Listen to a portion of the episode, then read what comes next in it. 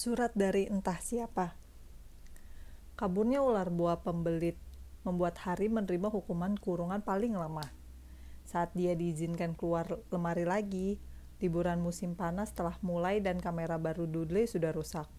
Pesawat terbang mainannya sudah menabrak sesuatu dan jatuh hancur. Dan pertama kali menaiki sepeda balapnya. Dia menabrak jatuh Mrs. Vick yang sedang menyeberang jalan raya private drive dengan tongkat ketiaknya. Hari senang sekolah libur, tapi dia tak bisa menghindari geng Dudley yang setiap hari datang.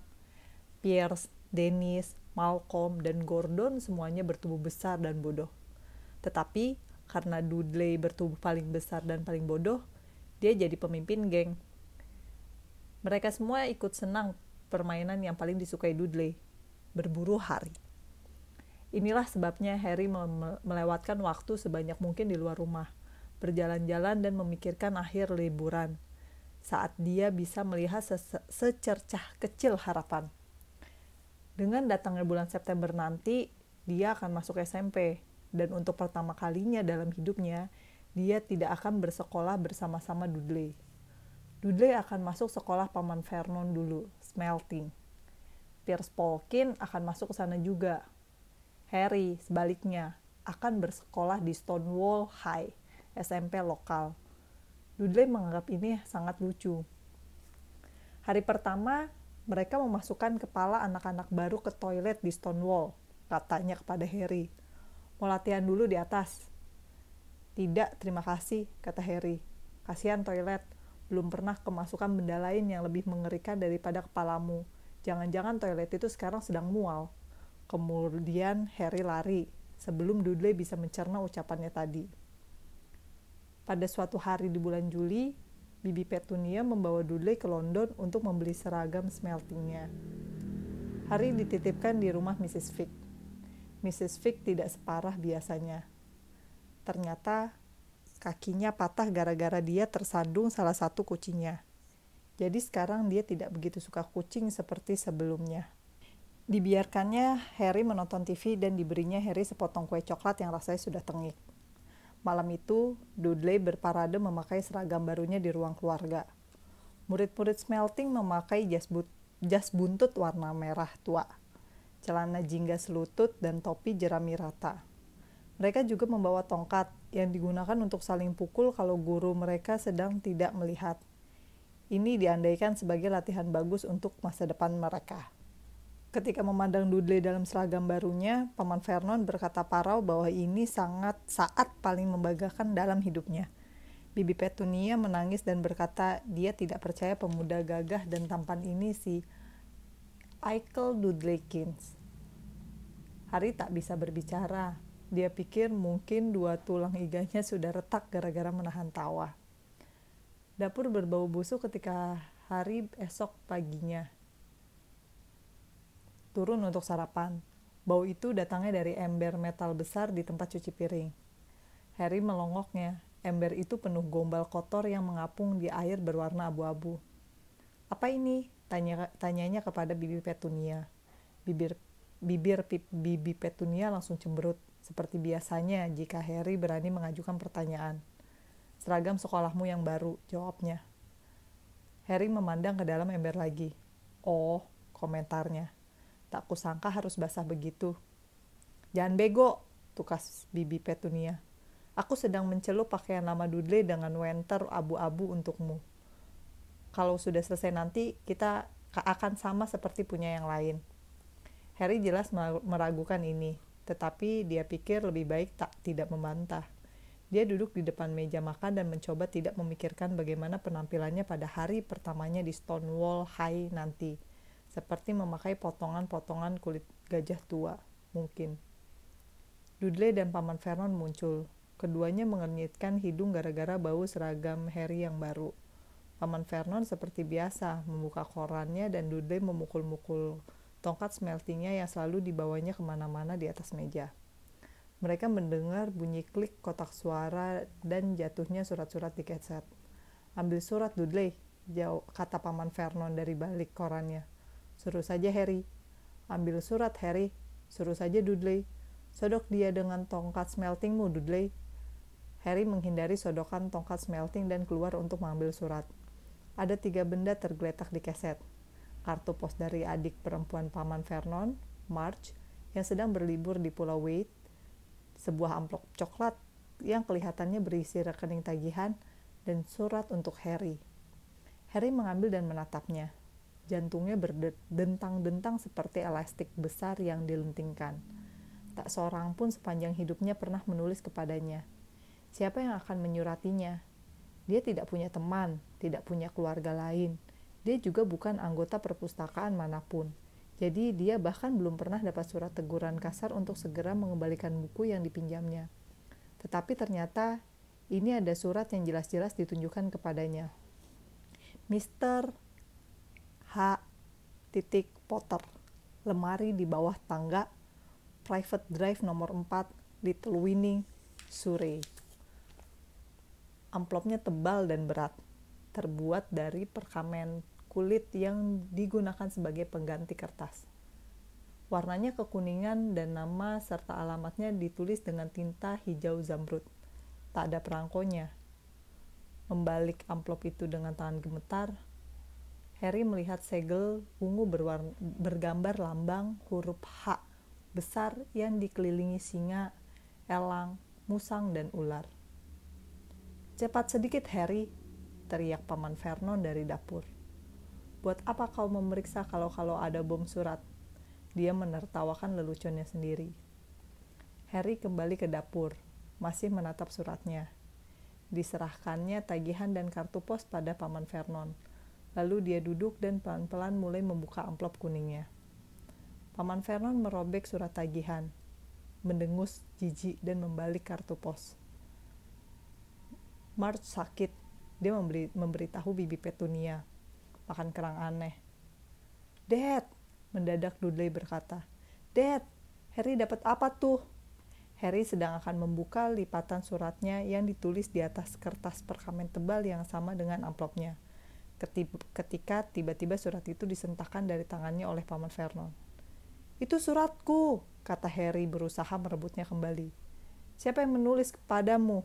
Seringai Paman Vernon sambil mengibaskan surat itu dengan satu tangannya agar membuka dan melirik isinya. Wajahnya berubah warna dari merah ke hijau lebih cepat daripada lampu lalu lintas. Dan tidak berhenti di situ. Dalam sekejap saja, wajahnya sudah putih abu-abu seperti bubur busuk. Petunia, gagapnya. Dudley berusaha merebut surat itu untuk membacanya, tetapi Paman Vernon mengangkatnya tinggi-tinggi hingga jauh dari jangkauannya. Bibi Petunia mengambilnya dengan ingin tahu dan membaca kalimat pertamanya. Sesaat kelihatannya dia akan pingsan. Dia memegangi lehernya dan mengeluarkan suara seperti tercekik. Vernon! Oh, astaga, Vernon! Mereka berpandangan Tampaknya lupa bahwa Harry dan Dudley masih berada di ruangan yang sama. Dudley tidak biasa diabaikan.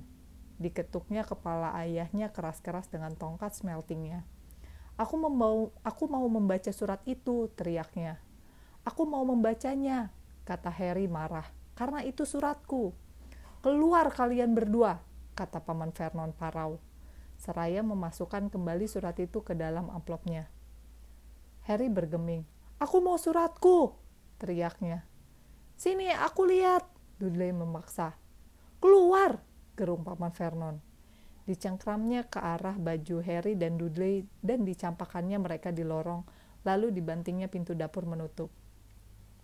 Harry dan Dudley segera berkelahi seru, tanpa suara, memperebutkan siapa yang boleh mendengarkan lewat lubang kunci. Dudley menang, maka Harry, kacamatanya tergantung pada satu telinga, berbaring terungkup untuk mendengarkan dari celah antara pintu dan lantai. Vernon, Bibi Petunia berkata dengan suara gemetar. Lihat alamatnya. Bagaimana mungkin mereka tahu di mana dia tidur? Apa menurutmu mereka mengawasi rumah kita? Mengawasi, memata-matai, mungkin juga membuntuti, kita, gumam Paman Vernon cermas. Tapi apa yang harus kita lakukan, Vernon? Apakah sebaiknya kita balas? Kita katakan bahwa kita tak ingin. Harry bisa melihat sepatu paman Vernon yang hitam mengkilap mondar-mandir di dapur. Tidak, katanya akhirnya. Tidak, kita abaikan saja. Jika mereka tidak mendapat balasan, ya itu yang paling penting. Penting, kita tidak akan melakukan apa-apa. Tetapi aku tak mau dengar Petunia. Bukankah kita sudah bersumpah waktu mengambilnya bahwa kita akan membasmi omong kosong yang berbahaya itu? Sore itu sepulang kerja, Paman Vernon melakukan sesuatu yang belum pernah dilakukannya. Dia mengunjungi Harry di dalam lemarinya. Mana suratku? Tanya Harry begitu Paman Vernon berhasil menjejalkan diri memasuki uh, melewati pintu. Siapa yang menulis kepadaku? Tidak ada. Surat itu keliru dialamatkan padamu, kata Paman Vernon pendek. Sudah kubakar. Tidak keliru, kata Harry berang. Di alamatnya tertulis lemariku. Diam! Raung Paman Vernon dan dua ekor laba-laba terjatuh dari langit-langit lemari. Dia menarik napas dalam beberapa kali dan kemudian memaksakan wajahnya tersenyum. Kelihatannya memelas sekali.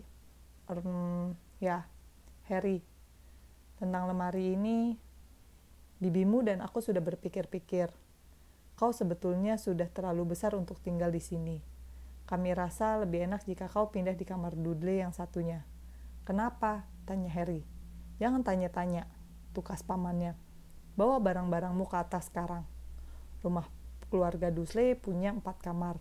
Satu untuk Paman Vernon dan Bibi Petunia, satu untuk tamu, biasanya adik Paman Vernon, March, satu adalah kamar tidur Dudley dan satu lagi dan satunya lagi tempat Dudley menyimpan mainan dan barang-barangnya yang tidak muat ditaruh di kamar tidurnya.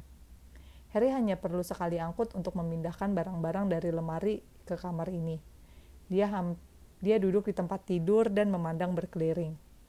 Hampir semua barang di kamar ini rusak. Kamera yang baru sebulan tergeletak di atas tank kecil yang ketika dikendari Dudley pernah melindas anjing tetangga. Di sudut ada televisi pertama Dudley yang ditendangnya sampai bolong ketika acara favoritnya batal ditayangkan. Ada sangkar burung besar, dulunya sangkar seekor burung nuri, nuri yang kemudian ditukar Dudley di sekolah dengan senapan angin betulan. Senapan itu sekarang ada di rak. Larasnya bengkok kedudukan Dudley. Rak-rak lain penuh buku. Hanya buku-buku itulah yang tampaknya tak pernah disentuh. Dari bawah terdengar Dudley berteriak-teriak kepada ibunya. Aku tak mau dia di sana. Aku butuh kamar itu. Suruh dia keluar. Harry menghela napas dan membaringkan diri di tempat tidur. Kemarin dia akan bersedia memberikan apa saja yang dia bisa untuk berada di kamar ini. Hari ini dia lebih memilih berada kembali di lemarinya dengan surat itu daripada di sini tanpa surat. Paginya saat sarapan, semua agak diam. Dudley uring-uringan. Dia sudah menjerit-jerit, memukuli ayahnya dengan tongkat smeltingnya, pura-pura sakit, menendang ibunya, dan melempar kura-kura ke atap rumah kaca sampai atap itu berlubang.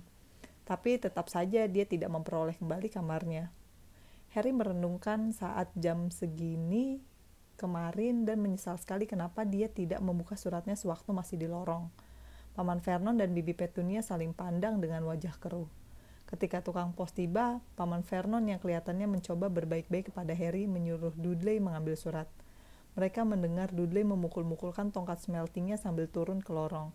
Kemudian dia berteriak, ada surat lagi. Mr. H. Potter, kamar paling kecil private drive nomor 4. Dengan pekik tertahan, Paman Vernon melompat dari kursinya dan berlari turun. Harry di belakangnya. Paman Vernon harus memiting Dudley ke lantai untuk merebut surat itu. Dan itu makin sulit dilakukannya karena Harry mengalungkan tangan ke leher Paman Vernon dari belakang. Setelah semenit pergulatan kalang kabut dan semuanya kena pukul tongkat smelting, Paman Vernon bangkit berdiri tersenggal-senggal dengan surat Harry terpegang erat di tangan. Kembali ke lemarimu, maksudku kamarmu, desisnya kepada Harry. Dudley, pergi, pergi. Harry berjalan bolak-balik mengitari kamar barunya. Ada yang tahu dia sudah pindah dari lemarinya dan mereka rupanya tahu dia belum menerima surat pertamanya. Jelas itu berarti mereka akan mencoba lagi. Dan kali ini dia akan memastikan mereka tidak akan gagal. Dia punya rencana. Jam waker yang sudah dibetulkan berdering pukul 6 keesokan harinya. Harry cepat-cepat mematikannya dan berganti pakaian tanpa menimbulkan suara. Jangan sampai keluarga Dursley terbangun. Diam-diam dia turun tanpa menyalakan lampu satupun. Dia akan menunggu tukang pos di sudut private drive dan mengambil surat-surat untuk rumah nomor 4 lebih dahulu. Jantungnya berdegup kencang saat dia merayap ke lorong gelap menuju pintu depan. Ah!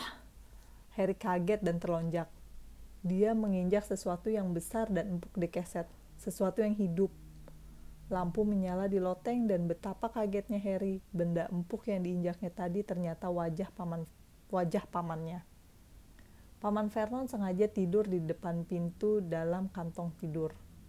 Jelas dia bermaksud menghalangi Harry melakukan apa yang akan dilakukannya. Selama kira-kira setengah jam dia memarahi Harry, kemudian menyuruhnya membuat secangkir teh. Harry terseok sedih ke dapur dan pada saat dia kembali, surat sudah datang, jatuh persis di pangkuan Paman Vernon. Harry bisa melihat tiga surat yang alamatnya ditulis dengan tinta hijau. Berikan, dia baru mau bicara, Paman Vernon sudah merobek-robek surat itu di depan matanya. Paman Vernon tidak ke kantor hari itu. Dia tinggal di rumah dan memaku kotak suratnya. Kalau mereka tidak bisa mengirim surat, mereka akan menyerah. Dia menjelaskan kepada Bibi Petunia dengan mulut penuh paku. Aku tak yakin, Vernon.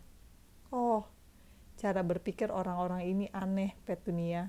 Tidak seperti kita, kata Paman Vernon sambil memukul paku dengan sepotong kue buah yang baru saja dibawakan Bibi Petunia.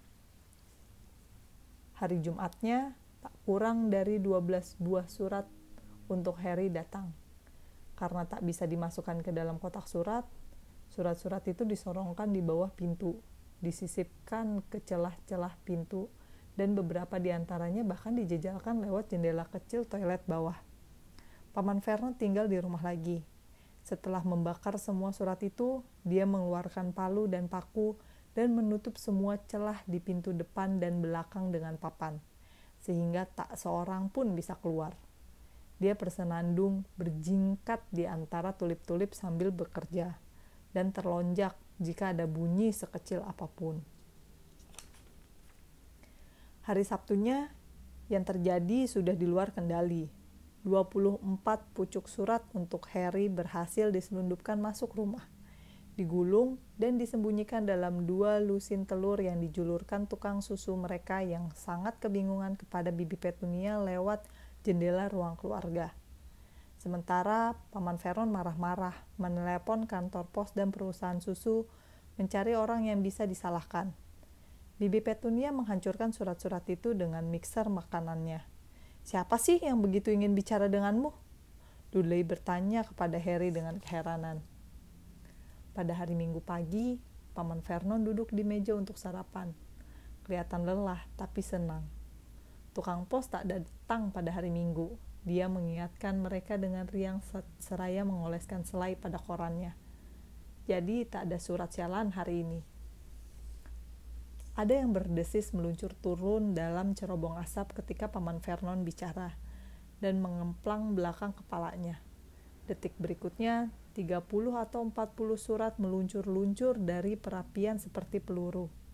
Keluarga Dusley merunduk menghindari tetapi Harry melompat, mencoba menangkap satu di antaranya. Keluar!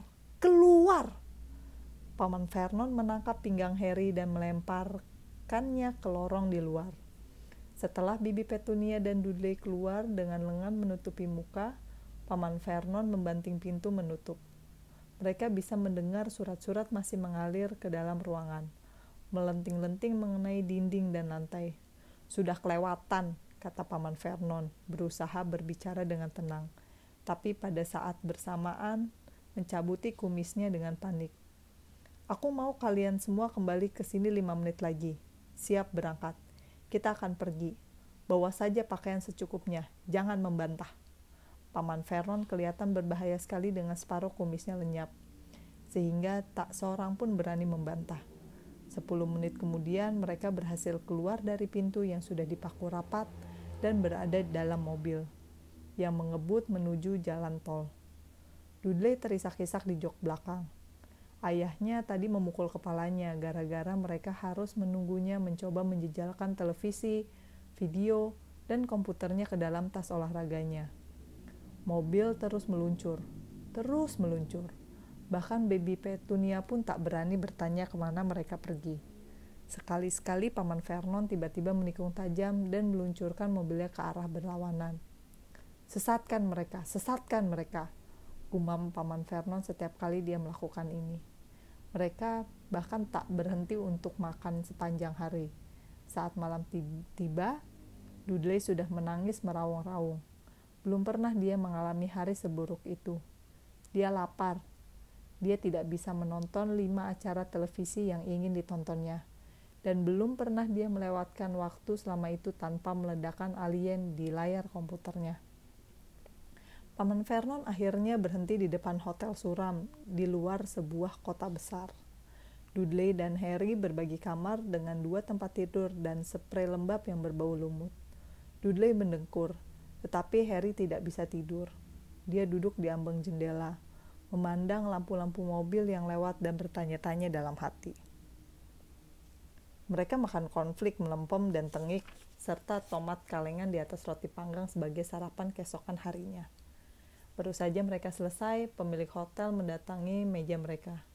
Maaf, tapi apakah salah satu dari kalian Mr. H. Potter? Ada kira-kira 100 surat begini di meja resepsionis.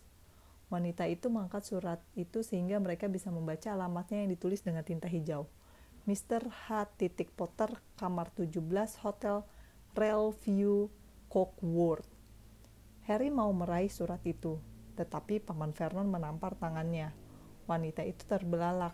Akan saya ambil, kata Paman Vernon. Cepat-cepat berdiri dan mengikutinya meninggalkan ruang makan. Apakah tidak sebaiknya kita pulang saja, sayang? Bibi Petunia menyarankan dengan takut-takut beberapa jam kemudian. Tetapi Paman Vernon kelihatannya tidak mendengarnya. Entah apa yang dicarinya, tak seorang pun tahu. Dia membawa mereka ke tengah hutan, keluar dari mobilnya, memandang berkeliling, menggelengkan kepala, masuk lagi ke dalam mobil. Dan mobil pun meluncur lagi. Hal yang sama terjadi di tengah sawah yang sedang dibajak, di tengah jembatan gantung, dan di atas tempat parkir mobil yang bertingkat. Dedi sudah gila ya? Dudley bertanya kepada Bibi Pot Petunia sore itu. Paman Vernon telah memarkir mobilnya di tepi pantai, mengunci mereka bertiga di dalamnya lalu menghilang. Hujan mulai turun, Tetesnya yang besar-besar mengetuk-ngetuk atap mobil. Dudley terseduh-seduh. Ini hari Senin, katanya kepada ibunya. Ada acara si hebat, Humberto, di televisi malam ini. Aku mau nonton. Senin. Harry jadi ingat sesuatu. Kalau hari ini Senin dan Dudley bisa diandalkan dalam hal ini, sehubungan dengan kegemarannya nonton televisi, maka besok Selasa adalah hari ulang tahun Harry yang ke-11. Tentu saja hari-hari ulang tahunnya yang telah lewat bukanlah hari yang menyenangkan. Tahun lalu misalnya, keluarga Dursley menghadiahkan satu gantungan mantel dan sepasang kaos kaki bekas Paman Vernon. Tapi kita kan tidak berumur 11 tiap hari. Paman Vernon kembali sambil tersenyum. Dia juga membawa bungkusan kecil panjang dan tidak menjawab ketika ditanya Bibi Petunia apa yang dibawanya itu. Sudah kutemukan tempat yang sempurna, katanya. Ayo semua keluar. Di luar mobil udara dingin sekali. Paman Vernon menunjuk sesuatu yang kelihatannya seperti batu karang besar yang menjorok ke laut. Bertengger di atas batu karang itu ada gubuk kecil yang sangat kumuh dan bobrok. Kelihatan menyedihkan sekali. Satu hal sudah jelas, tak ada televisi di gubuk itu. Malam ini diramalkan akan ada badai, kata Paman Vernon senang, sambil menepukkan tangan.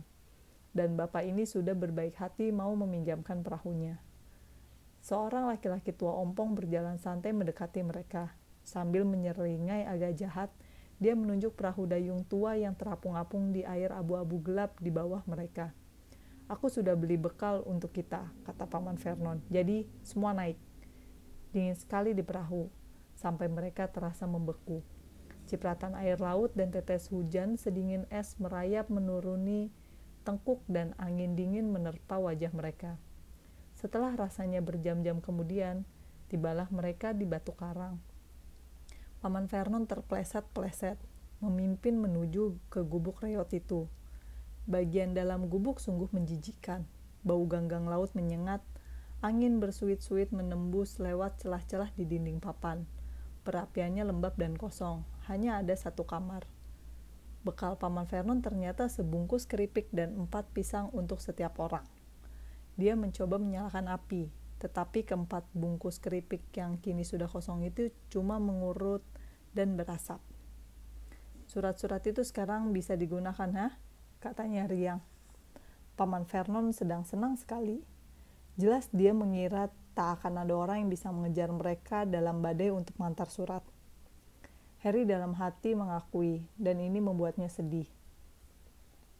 Ketika malam tiba, badai yang dijanjikan menerjang di sekitar mereka. Cipratan air dari ombak-ombak yang bergulung tinggi menyembur ke dinding pondok, dan angin kencang mengguncangkan jendela-jendela yang kotor. Bibi Petunia menemukan beberapa selimut apak bulukan dari kamar dan menyiapkan tempat tidur untuk Dudley di sofa yang sudah berlubang-lubang dimakan ngengat. Dia dan Paman Vernon tidur di tempat tidur Reyot di kamar, dan Harry dibiarkan mencari sendiri tempat yang paling empuk di lantai dan meringkuk di bawah selimut paling tipis dan paling compang-camping. Semakin malam, badai mengamuk semakin hebat. Harry tak bisa tidur. Dia dia gemetar kedinginan dan membalikkan tubuh, mencoba mencari posisi yang lebih nyaman. Perutnya yang lapar berkeroncongan. Dengkur Dudley terendam oleh gemuruh guruh yang mulai menggelegar menjelang tengah malam.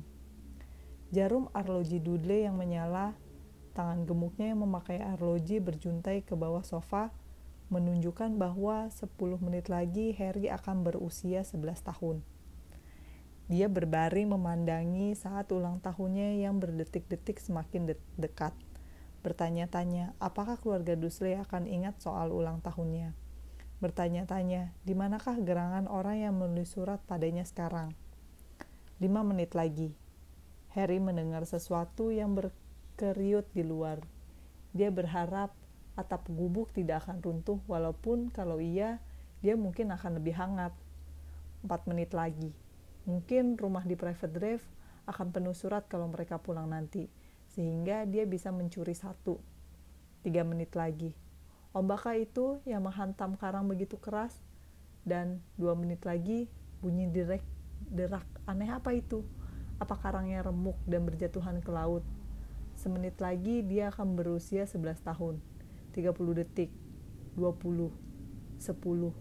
9 Mungkin dia akan membangunkan Dudley sekedar supaya Dudley marah saja. Tiga, dua, satu, boom! Seluruh gubuk bergetar dan Harry langsung duduk tegak memandang pintu. Ada ada orang di luar pintu menggedor-gedor mau masuk.